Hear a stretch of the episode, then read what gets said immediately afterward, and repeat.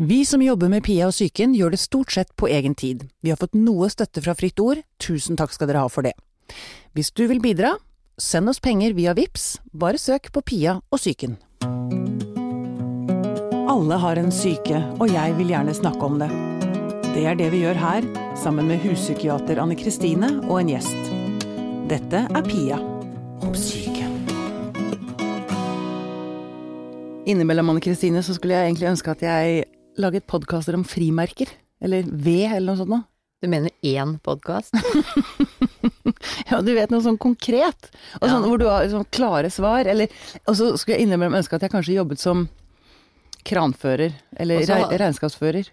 Ja, det er et fint ønske, men jeg tror du hadde blitt lei etter ca. en halvtime. Akkurat det jeg satt og skrev dette i sted, eller tenkte gjennom eh, introen, og så tenkte jeg jeg hadde jo kjeda ræva av meg. Du hadde det, vet du. Veldig fort. Men det er noe med vi, vi, vi snakker jo alltid om ting som Vi har jo sagt det mange ganger at vi, vi, kommer, vi får aldri noen klar... Altså, det er aldri et klart svar med to streker under. Nei. Men du vil jo egentlig ikke ha det heller, Nei, det er det. det, er det. det er, jeg, jeg er jo en forkjemper for undringen. Ja. Eh, og nå skal vi gå inn i traumer igjen. Um, og spiseforstyrrelser er en del av det. Og i studio så har vi vel en av Norges fremste på spiseforstyrrelser, stemmer ikke det? Karianne Brabel? Eh,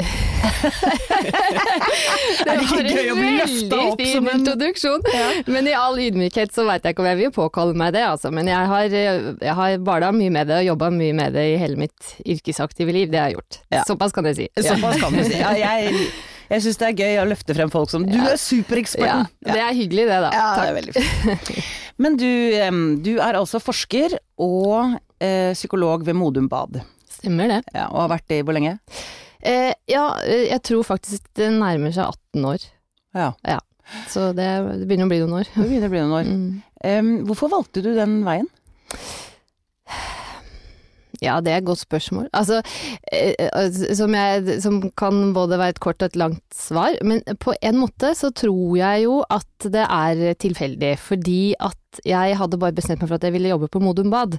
Og det er fordi at der vet jeg at der, når jeg begynte der, at der kan jeg jobbe med psykoterapi, der kan jeg jobbe med endring, og jeg kan på en måte få gjort en god jobb, eh, forutsetninger er til stede da, for å få lov til å jobbe med det jeg ønsker som psykolog. Ja. Eh, så at det ble spiseforstyrrelse var nok kanskje litt tilfeldig, eh, fordi det var der det var ledig plass. Mm. Og så var det sånn at jeg hadde jobbet med det kanskje et halvt års tid. Og så syns jeg jo at veldig mye av det jeg hadde lært på psykologskolen satte meg litt på strekk, da. Satte Eh, deg på strekk, hva mener du? ja, i forhold til at um, du vet, eh, språket er jo viktig i psykoterapi, i en Mm. samtale, ikke sant. Det er jo forunderlig å tenke på at det er samtalen som kan være endrende. Og så merket jeg at mange av de som strevde med spiseforstyrrelser, strevde nettopp med språket. Det var vanskelig å finne ord for tilstander og Ah, ja, opplevelser og tanker og følelser, sånn at nettopp det du startet med med undring da, ble, ble, ble litt vanskelig. Så jeg tenkte at oi, dette vet jeg nærmere ikke om jeg får til. Um, så jeg var litt usikker på om jeg skulle fortsette å jobbe med det, men så jo mer jeg jobbet med det, jo mer eh, interessant syns jeg det ble, da. Og jo, jo eh, mer givende ble det å få til en form for kontakt, da. Og få til endring. Ja. Ja. Um, for du um, forsket altså på spiseforstyrrelser, og um, du var den første som påviste en sammenheng mellom uh, spiseforstyrrelser og seksuelle overgrep i Mm. barndommen. At, Mm. at det var en sammenheng der. Og det var en del av de du forsket på som ikke ble friske, ikke sant? ja, stemmer det. Ja. Kan Mm. ikke du fortelle litt om, om, om den forskningen? Ja, ja det er sånn at vi, vi, eh, vi fulgte opp 80 pasienter cirka da, som eh, hadde vært innlagt hos oss på Modum Bad, på Mhm. avdeling for spiseforstyrrelser. Så fulgte vi dem opp ett og to og fem år etter behandling for å se hvordan det går med dem. Og, og på den tiden så var det veldig dårlig og, og lite utvalg av sånn type forløpsstudier som vi kaller det, som faktisk undersøker hvordan det går med disse pasientene. Og det var ansett som veldig viktig, fordi at det var, det rådet litt behandlingspessimisme faktisk den gang, knyttet til denne tilstanden. Behandlingspessimisme? Altså Ja. man visste ikke hva man eh, Nei, altså, Man kom ikke Nei, man syntes pasientene var utfordrende, man syntes kanskje ikke man kom noen vei. Um, Uh, nytter det? Håp ble vanskelig å bevare. mm. Uh, og så tenkte jeg at dette må vi jo faktisk finne ordentlig ut av.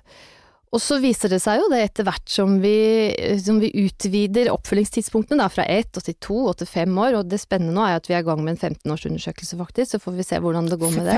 15 års undersøkelse? Ja, 15 år etter de har vært innlagt hos oss. En som heter Hanne Punsvik Eilsen hos oss, som gjør den studien nå, da. Ja. Um, og da, men da så vi jo at gradvis så var det sånn at det var flere og flere som ble friske, be, hadde bedring eller ble friske på hvert oppfølgingstidspunkt. Mm. Og så tenkte jo jeg i mitt hode, for det jeg merket meg etter hvert, var at etter hvert som tiden gikk, så var det så, ble, akkurat som det ble større og større forskjell på disse pasientene. Altså sånn at noen kunne sveive innom i en lunsjpause og gjøre intervjuene, og så dra ut igjen i arbeidet, mens, mens andre trengte kanskje mer tryggere rammer rundt seg for å være i stand til å gjennomføre undersøkelsen med meg, da. Så jeg tenkte at det her nytter det jo kanskje ikke bare å se på gruppenivå, her må vi jo prøve å få fatt på litt mer øh, kanskje subgrupper, undergrupper, eller Um, og så begynte vi å gjøre analyser, da, hvor vi så på hva, hvem er det som blir friske, og hvem er det som ikke gjør det, for å si det enkelt. Ja. Og da så vi at de som strevde med uh, unnvikende personlighetsforstyrrelse og hadde vært utsatt for seksuelle overgrep, det var de som, som strevde på hvert eneste tidspunkt, da. ja. Mm. Nettopp. Men når du sier altså um, uh, unnvikende personlighetsforstyrrelse, Ja, og de er utsatt for seksuelle overgrep, det var, det var alltid, liksom? At seksuelle overgrep førte til unnvikende personlighetsforstyrrelse og spiseforstyrrelse? Nei, det er litt sånn Det er Det er litt vanskelig, kanskje? Ja, dette. det er altså eh, eh, det, det kan man jo tenke. Mm. Fordi at antagelig kan man se for seg at overgrep i barn skjer før personligheten er utviklet, så man kan jo ha en hypotese om det, men det var ikke det vi undersøkte. Vi undersøkte bare simpelthen om Altså at det var jo noen som også hadde vært utsatt for seksuelle overgrep, men som ikke hadde unnvikende personlighetsforstyrrelse. Og de så det som du kunne gå noe bedre med, men det var akkurat denne sammenkoblingen, da. Av disse to tilstandene Ja. som, som førte til at det ikke ble noe endring, da. Ja, Mm. nettopp. Ja. Ok. Um, men for å snakke litt om uh, dette med barndom. Ja. Uh, jeg opplever jo, fordi jeg selv har vært så åpen, Ja, så får jeg veldig mange, veldig mange som forteller meg historier. ja det kan jeg se for meg. Ja. Både om seg selv, men også om familie eller venner eller jeg, Og jeg syns jeg hører så mange vonde historier fra barndom. Altså, og det, det trenger ikke nødvendigvis å være sånne veldig alvorlige ting som seksuelle overgrep eller vold eller foreldre som ruser seg, men um, uh, foreldre som gjør så mange dumme ting som skader barna så innmari. Jeg, jeg får lyst til å begynne å grine når jeg hører mange av disse historiene. Mm. Og det skaper sånne enorme sår. Mm. Um, og nå vier jeg det jo veldig, veldig ut dette her, men eh, jeg, dette med arvesynden, jeg, Mm. jeg har jeg så lyst til altså, ikke sant? For man kan tenke seg at de foreldrene som gjør vonde ting mot sine barn, har selv vært utsatt for vonde ting av sine foreldre, ikke sant? Mm. Um, det går an å bryte denne arvesynden. Mm. Det er vel dit jeg vil med dette spørsmålet, og nå ser jeg på dere begge. Uh, for det er vel noe av det viktigste. Mm. Uh, og det er vel det terapi egentlig handler om. Mm. Ja, ja. Uh, Ikke sant? Og, og, og for, så man ikke overfører det til Absolutt. neste generasjon, liksom. Absolutt. Altså, jeg tenker eh, psykoterapi for en voksen er jo forebyggende for barna. Ikke sant? Ikke Mm. sant? Mm.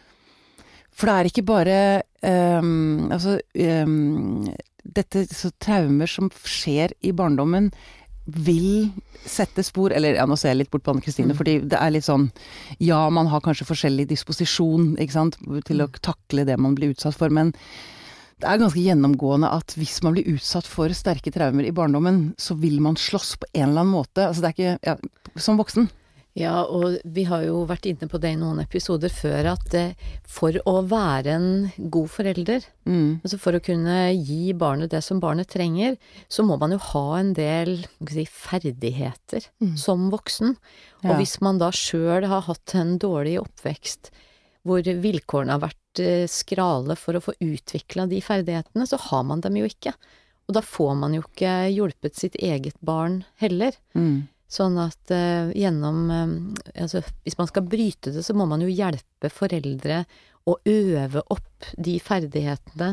Eller først bli klar over at man ikke har det, Mm. og så få hjelp og veiledning til å, å kunne være annerledes mot sine egne barn Mm. enn det man sjøl har opplevd. Mm. Men, man, altså, men det handler jo ikke om vond vilje eller er ondskap eller noe som helst. Det er rett og slett at man Altså, man har det ikke på repertoaret sitt. Mm. Rett og slett. Nettopp. Um, men um, traumer i barndommen, det kan slå ut på mange måter. Eller um, kan vi si noe Kan vi si det sånn at nesten alle psykiske lidelser handler om traumer i barndommen? Er det litt for enkelt? Litt for uh, stort, liksom? Uh, ja, det tenker jeg. Du, du, ikke sant? Ja, absolutt. Også bipolaritet og schizofreni, vil du gå så langt, eller? Altså, det, det, vil jeg tro Anne Kristine kan gjøre med meg. ja, schizofreni. men mm, Ja, for jeg, jeg tenker at det vil, det vil, være en grov overforenkling å si det. ikke sant? Jeg mm. så f.eks. i denne studien vår, så så vi at selv de som hadde vært utsatt for alvorlige seksuelle overgrep, eh, mistet spiseforstyrrelsen sin på et tidspunkt. Altså, det er viktig å si, fordi at det inngir en form for håp, da, mm. om at eh, det, det, man kan endre seg, og man kan få til endring, man kan få et godt liv. Og det er ikke sånn at det å ha vært utsatt for overgrep vil føre til en psykisk lidelse. Det er så ufattelig mange eh, det, altså det er faktorer som er med å påvirke hvor det blir så vanskelig at det blir en sykdom av det, da.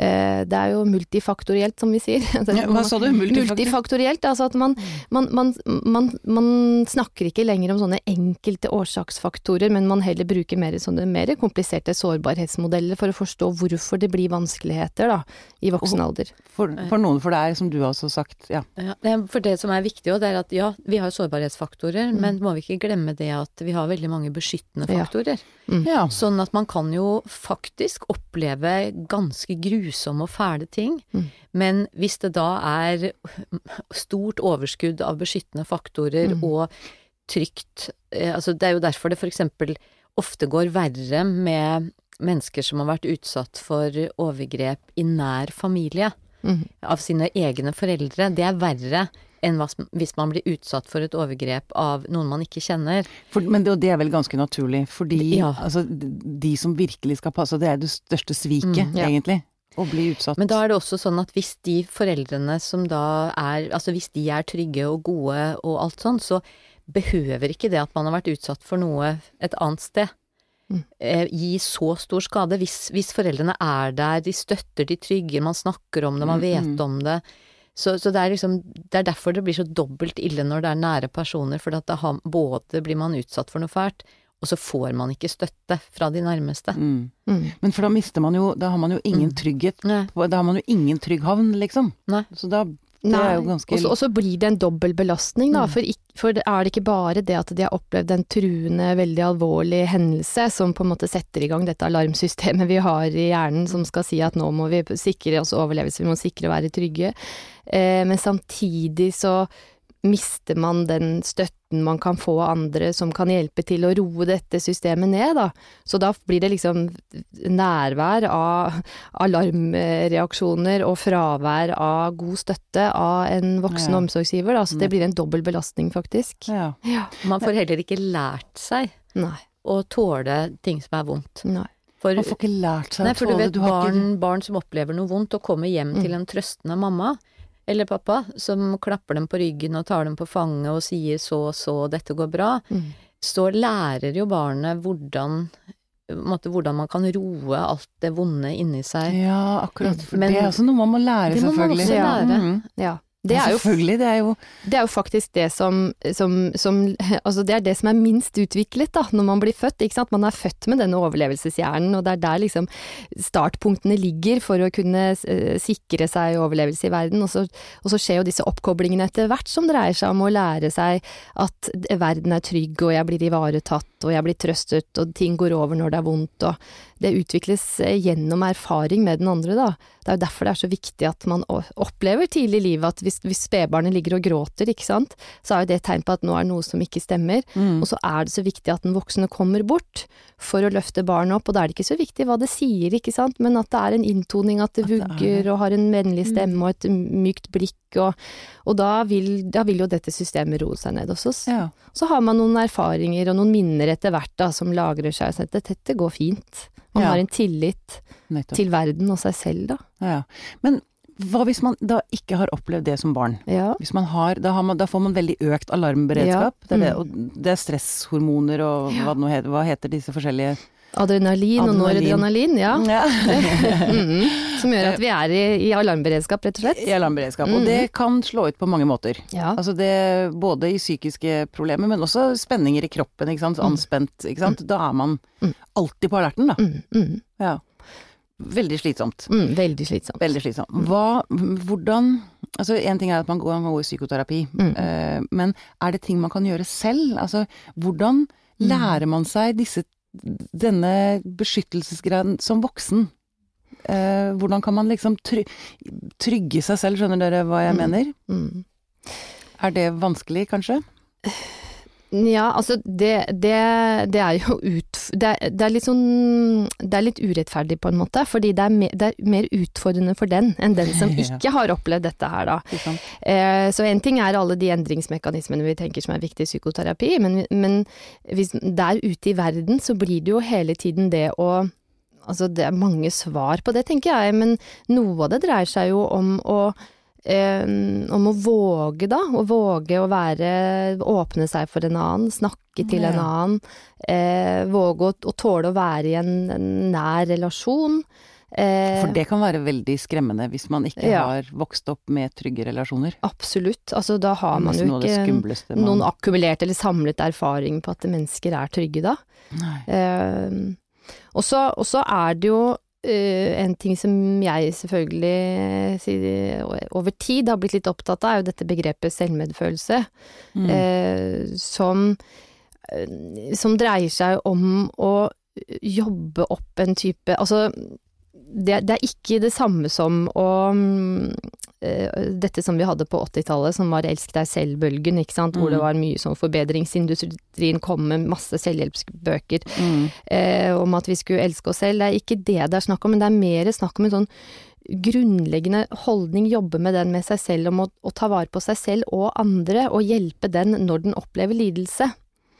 Eh, sånn at man kan snakke til seg selv på en annen måte, man kan være bevisst hvordan er det jeg snakker til meg selv. Ja, for det, er også, det har jeg også tenkt mye på. Ja. Det å bli bevisst på de der Ja. stemmene som gnager, Ja. eh, det er eh, Men det er krevende. Veldig krevende. Veldig krevende. Ja. Men du sier at det går an å Altså hvis man Det første skrittet er da å bli obs på dem. Ja. Hva sier disse stemmene? Ja. Og den derre stemmen som jeg kan ha, du er stygg, du er stygg, du er Ja. stygg, det er ikke en god stemme. Nei, det er ikke det. Og, samtidig så er det sånn um, Man kan være obs på dem, og så kan man også spørre seg selv uh, hva, er det, hva er funksjonen til den stemmen? Hvorfor sier jeg Ja. det? Altså hva, hva er intensjonen, egentlig? Ja. Og for noen så er det faktisk sånn at de kan si at uh, når jeg snakker sånn til meg selv, så sikrer jeg at jeg holder meg gående, på en måte. Det sikrer at jeg ikke skal gjøre feil, eller det sikrer at Ja. jeg Altså det er sånn type sikringsatferd på en eller annen måte, da. Ja, for jeg tenker sikring, eh, det er vel også noe med at hvis jeg er skikkelig slem mot meg selv, mm. så kan ingen bli slemmere. Altså det blir, Ja. man blir tryggere fordi da er det ingen som kan toppe det, liksom. Ja, og det er jo mange som til og med kan tenke at så eh. Som ikke har noen gode erfaringer fra andre, da, som kan tenke at eh, de fortjener det, til og med, ikke sant. Ja. Ja. Så det er veldig, det er veldig det, er, det er krevende å, å endre det. Samtidig så er det noe med å, å, å bli seg det bevisst. For jeg tenker at det like eh, lite som man jo skal være slem og snakke slemt til andre, for å si det enkelt, så skal man jo heller ikke gjøre det til seg selv. Altså det er nesten en form for etikk i det, tenker jeg. ja, det er en fin måte å se det på. Mm. Ja. Det er jo, det er jo sant? Det er helt merkelig hvis man skal tenke over det. Hvorfor, skulle man, hvorfor skal man gjøre det mot seg selv? Men hvis man da slåss med masse skam og er Ja. liksom vokst opp med at man ikke er verdiløs, Mm. så vil man kanskje tro at eh, jeg fortjener ikke det samme som alle andre. Ja. Mm. Absolutt. Eh, Ja. Ja. Og det er, jeg, jeg skjønner jo hva du mener, at det er etisk så er det jo Det er jo ingen andre mennesker eh, som jeg mener fortjener det. Nei. så det er jo veldig rart. du gjort det, hvorfor skulle jeg gjort det? sant? Ja. Og ville du, og, og det spørsmålet man også kan stille, er altså ville du snakket sånn til en venn da? Hva, Vil jo ikke det. nei, ikke sant? Ville jo ikke det. Nei. Man burde egentlig kanskje ta sånn Man burde, burde kanskje begynne med sånn opptaker, og bare la den stemmen inni hodet komme ut, så jeg får hørt den. Mm. Ja, vet du hva? Men vet du hva? Det er, det er faktisk en veldig god idé. Altså, jeg merker når jeg er i, i psykoterapi, så, så kan jeg, så spør jeg direkte hva er det den stemmen din sier da? Du, hvordan høres den ut? Hva er det den sier? Og det er så vanskelig å si det høyt. Ja, For det er også skamfullt å si det Ja. høyt, men, men skam må man bare sette ord på. Det er den eneste måten det kan bli borte, for skammen er jo taus. Så det er noe med å utfordre seg selv også på å tørre å si høyt, uh, for da kan man høre seg selv på en måte si det. Og gjennom det så kan man også bli mer bevisst, da. Men eh, bare høre, du sa skammen er taus. Ja, den er jo det. Få høre mer om det. Mm, Altså, skam er jo en veldig komplisert eh, følelse som dreier seg om å eh, for, altså, altså, at man gjerne får en tanke om at, at det er både en følelse og en tanke, egentlig, for man, man vurderer seg selv på en eller annen måte og tenker at jeg er feil, på en måte. Det er veldig Mm. mange av de som har vært utsatt for eh, krenkelser og overgrep og truende hendelser, og i tillegg da kanskje utviklet spiseforstyrrelse i voksen alder, som er de jeg jobber med, Mm. som har en opplevelse at de er feil, eller de er ødelagt, eller de er defekt. Ja. For, jeg, må bare, jeg må bare Unnskyld at jeg avbryter Ja, men jeg, bare bare, hørte det, det gjorde veldig inntrykk på meg for noen år siden. Så hørte jeg forskjellen på skam og skyld. Ja, Skyld, da har du gjort noe gærent. ja, Men skam, da er du noe gærent. ja. De fø er altså man føler at man er noe galt. Ja. Og, og da er det også sånn at eh, skyld kan man jo for eksempel, hvis jeg gjør noe stygt mot mine barn, Mm. eh, hvis jeg krenker dem på en eller annen måte, og jeg kommer i psykoterapi og forteller om den skyldfølelsen, så skal ikke terapeuten nødvendigvis hjelpe meg å ta fra meg den skyldfølelsen. Fordi den er jo et signal om, at, eh, om en samvittighet, at jeg har gjort noe feil, eller jeg har gjort noe som ikke er ok, så da kan vi heller jobbe med det. Mm. Mens en sånn lammende skam, den, er, den henger jo ikke sammen med en, en handling eller noe man har gjort. Det, det er bare Ja, for du kan ikke si unnskyld til noen. Eller du, det, er, det, er ikke, man får, det er vanskelig å få tak i den. Det er det du mener med at den er taus, kanskje? Eller at, Ja, for, jo, den er taus fordi at man, man ønsker ikke Man ønsker å forsvinne på en måte. Eh, altså man har ikke lyst til å Ah. møte blikk med andre fordi man kan være redd for å bli avslørt. Eh, man ønsker å prøve å gjøre seg så liten som overhodet mulig, så den blir ikke så ofte verbalisert, da. Man kan heller se det gjerne ved at sånne flauhetsreaksjoner, ikke sant. I psykoterapi så er det gjerne kanskje et teppe på fanget og et blikk som ser ned, og, og vanskeligheter for å si noe. Sånn Ja. sett er den taus. Ja, Mm. akkurat. Mm. Ja. Um, jeg tenkte på det vi snakket om i sted, dette med Eller ehm, du skrev et blogginnlegg, eh, Anne Kristine, for en liten stund siden, det om å be om hjelp. Mm. Hvor viktig det er. Ja. Og så jeg, jeg leste det, og så tenkte jeg at um, Jeg vil tro at barn som vokser opp, eller de som utvikler om det er spiseforstyrrelser eller selvskading eller depresjoner eller angst, ikke sant. Eh, så vil jeg tro at de, når de har vokst opp, har båret på så innmari mye alene. De har ikke vært vant Altså, det enda verre for dem å be om hjelp. Mm. Er jeg inne på noe der? At altså, bøygen er innmari mye høyere for å be om hjelp? Ja, og du vet, mange av de barna som har eh, vært utsatt for vold og overgrep, de har jo kanskje prøvd å si fra på sin måte. Mm. Men det kan ha vært at man har ymta litt, eller at man har vist noe til noen, og så har det ikke det blitt fanga opp. Nei. Og da er det liksom sånn, hvor mange sjanser skal man gi de voksne? Mm. Sånn at man kan jo etterpå så kan jo de voksne si 'å, skjønte ikke at det var det du prøvde å si fra om', men at barnet kan jo sjøl ha en opplevelse av å virkelig ha prøvd å ha si fra. Og Og når jo ja. Og når da ingen har lagt merke til det, og ingen hører det, så Mm. blir det jo også sånn Men det er ikke noe vits i å si fra. Nei, det er ikke hjelp å få for meg. Nettopp. Og, og det, er- det er så urettferdig. Ja, det er jo det. At akkurat de som trenger hjelp Absolutt. mest, har så vondt for å be om det. Ja, og det, og det er jo ikke Og det kan også til og med være sånn at de Ikke bare det at de kanskje har prøvd å si fra, men de har kanskje ikke hatt språk for det heller, for det er jo litt av utfordringen, nettopp Ja. for som jeg sa i sted, ikke sant, altså at vi, vi, vi kommer med en overlevelseshjerne og kanskje til dels en følelseshjerne, og så utvikles dette, eh, denne logiske hjernen vår da, som, hvor språket ligger, den utvikles jo senere og ved hjelp av at noen er der og hjelper oss å utvikle den. Ja. Så hvis man ikke har hatt den hjelpen, så er det vanskeligheter med språk, og så blir det heller mer følelsesutbrudd eller aggresjon eller, eller man kan kalle det atferdsvansker kanskje i skoleverket, hva vet jeg. Altså sånn at Mm. det er deres språk, da. Mm. Mm. Som gjør det vanskelig, ikke sant? Ja. Ja. En annen ting jeg, jeg kom over et uh, sitat av Oprah Winfrey, faktisk. Uh, som sa eh, tilgivelse er å gi opp håpet om at fortiden kunne ha vært annerledes. Jeg syns det var så, det var så Mm. slå... Eller eh, Mm. For jeg, jeg kan slåss med det selv. Mm. Eh, ikke sant, det er mye aggresjon, Mm. ting som ble, jeg ble utsatt for, eller ting som Mm. skjedde. Mm. Men så ser jeg jo også at det går ikke an å komme videre, egentlig, uten å akseptere at vet du hva, det har skjedd. Ja. ja. Ja, altså det, det Jeg liker bedre det ordet forsoning, jeg da, på en måte. Fordi Ja. eh, Forsoning, ja. Det ja, er, mm. eller aksept, eller Mm. Ja. Og det, det har kanskje med det at eh, jeg har snakka med såpass mange som, som har vært utsatt for alvorlige krenkelser, ikke sant, og hvor det er vanskelig å tilgi den andre som har gjort det, men man kan forsone seg med at, At ting har blitt som skjedd. det har blitt. Ja. Ja. Og så pleier jeg også å skille mellom to andre viktige ord, og det er eh, opprinnelse og opprettholdelse. Altså okay. opp, opprinnelsen til det som har hendt, opprinnelsen til hendelsen og det som var den gangen, det er ikke din feil. Veldig altså det, Opprinnelsen var ikke din feil. Nei. Mm. Det er noen Altså, det er noen som sier at den som er en krenker, er den skamløse som påfører sin egen skam til den som er et offer, da. Mm. Eh, og det er ikke din feil. Men opprettholdelsen av vanskene i voksen alder, det er ditt ansvar.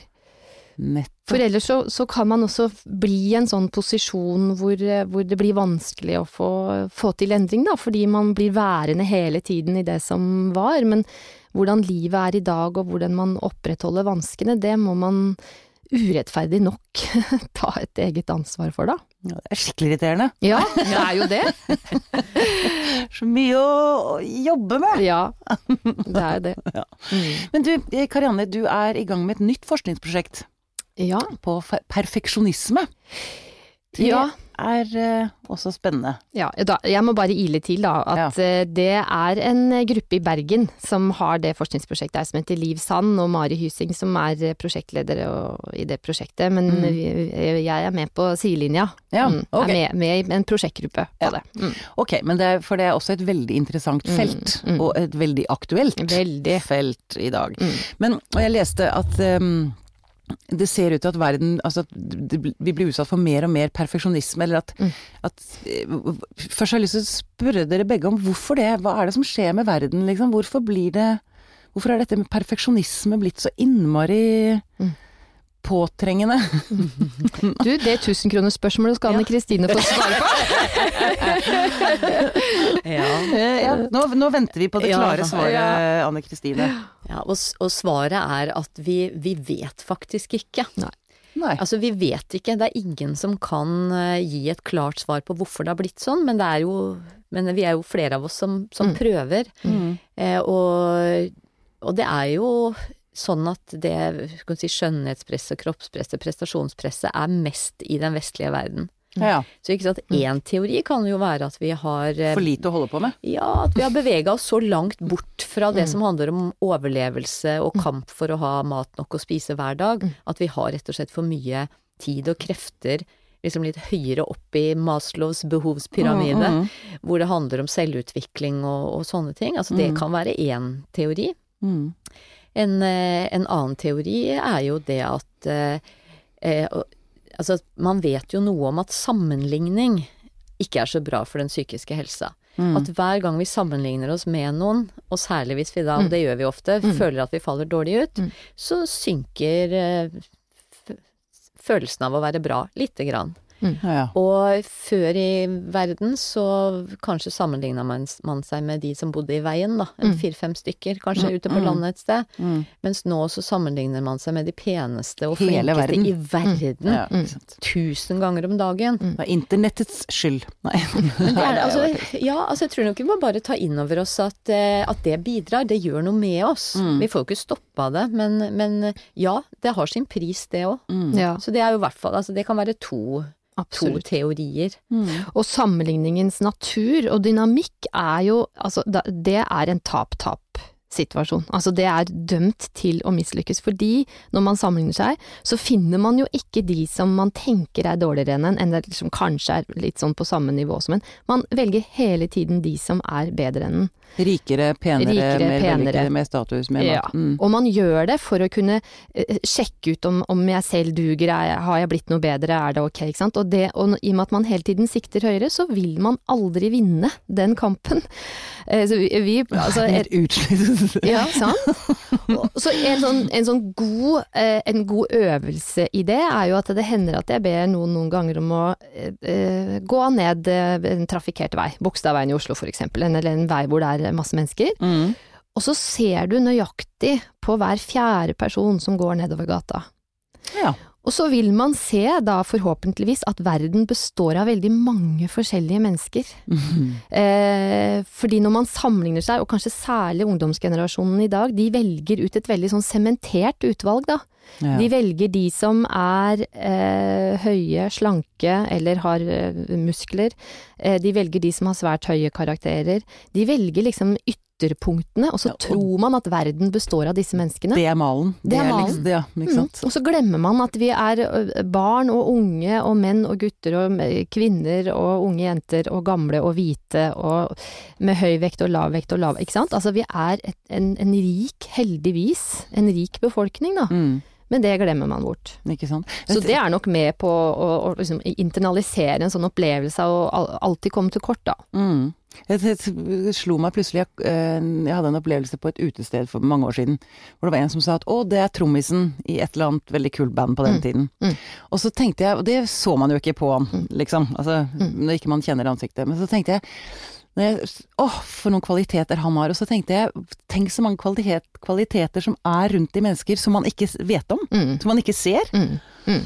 Eh, det, er, det er en sånn kul jeg Snu litt på det, da, men Absolutt, og særlig i dag, da, hvor, det, hvor, hvor møtene våre er virtuelle, ikke sant. Det, Ja. altså, det er sånn disnifisering og McDonald'sifisering av følelser og liv. ja. Altså det er sånn eh, Ja, det er, eh, det er glatt på overflaten, og så, og så får man ikke helt tak i hva som er bak der. I, i hva heter det, essensen, eller Ja. i, i mm. Ja.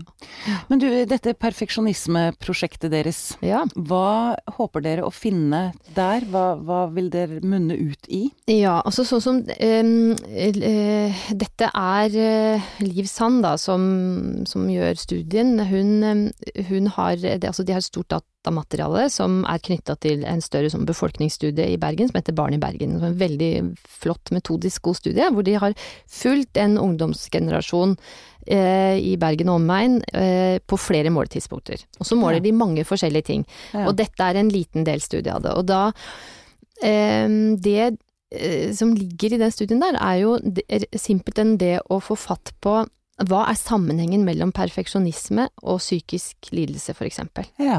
For det vet vi ikke så veldig mye om, ikke sant? Vi kan, Vi kan tro det, men vi kan eh, tro det, vi, mm. på samme måte som vi kan tro at kroppsmisnøye henger sammen med spiseforstyrrelser på et seinere tidspunkt en eller annen, på en eller annen måte, mm, men vi vet ikke så veldig mye om det. Nei. Så det er viktig å finne ut av. Er det, er det så ødeleggende som det vi kan tenke at det er? Mm. Og så er de også opptatt av å finne ut av um, hvor, hvor stor grad bruker de helsetjenestene. Fordi man kan tenke at veldig mange av de som strever med perfeksjonistiske trekk, da, de har ikke så veldig lyst til å fortelle eller ta kontakt med andre, som gjør at eh, de kanskje ikke får hjelp.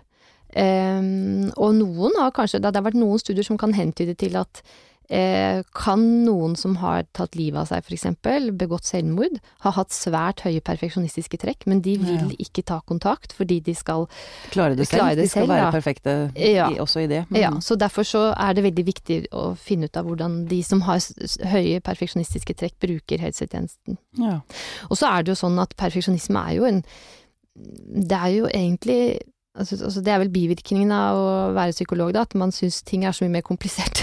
Ja. Fordi det er jo ikke, ikke sant, i utgangspunktet så er det jo ikke nødvendigvis et eh, bare et onde. Altså en, Å søke etter å være best mulig, ja, eller liksom. det, det å, å, å, um, å søke etter prestasjon, da. Det å få til ting. Det Mm. å, å, gjøre ting kan også være adaptivt, som vi sier. Det kan være funksjonelt. Altså, det er mange idrettsmiljøer hvor det for eksempel, hvor man har sett at det kan være en sånn høy grad av en type sunn perfeksjonisme, da. Ja.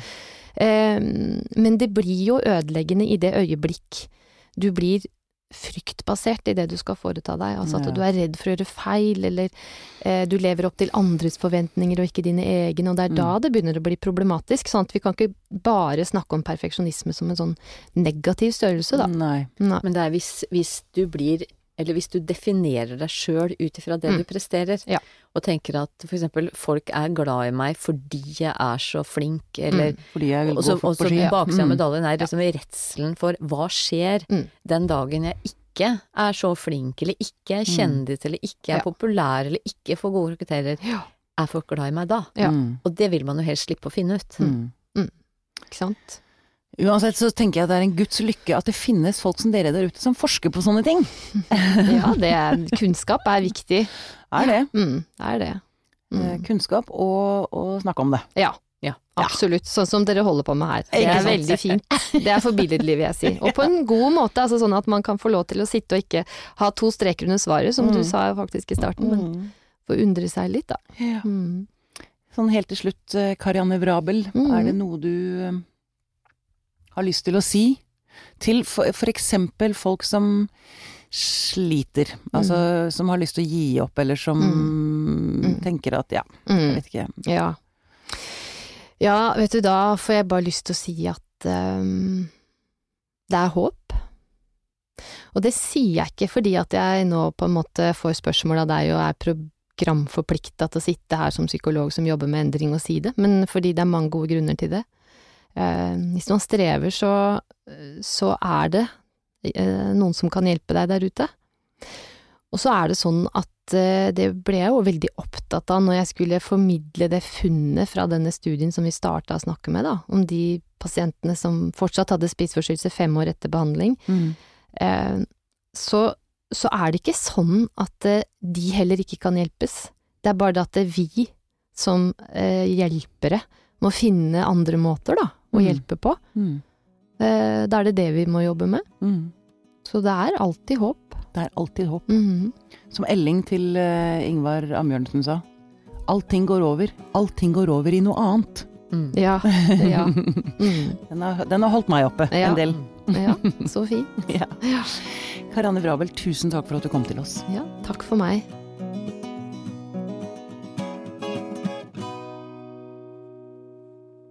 Denne podkasten er produsert av Tid og Lyst.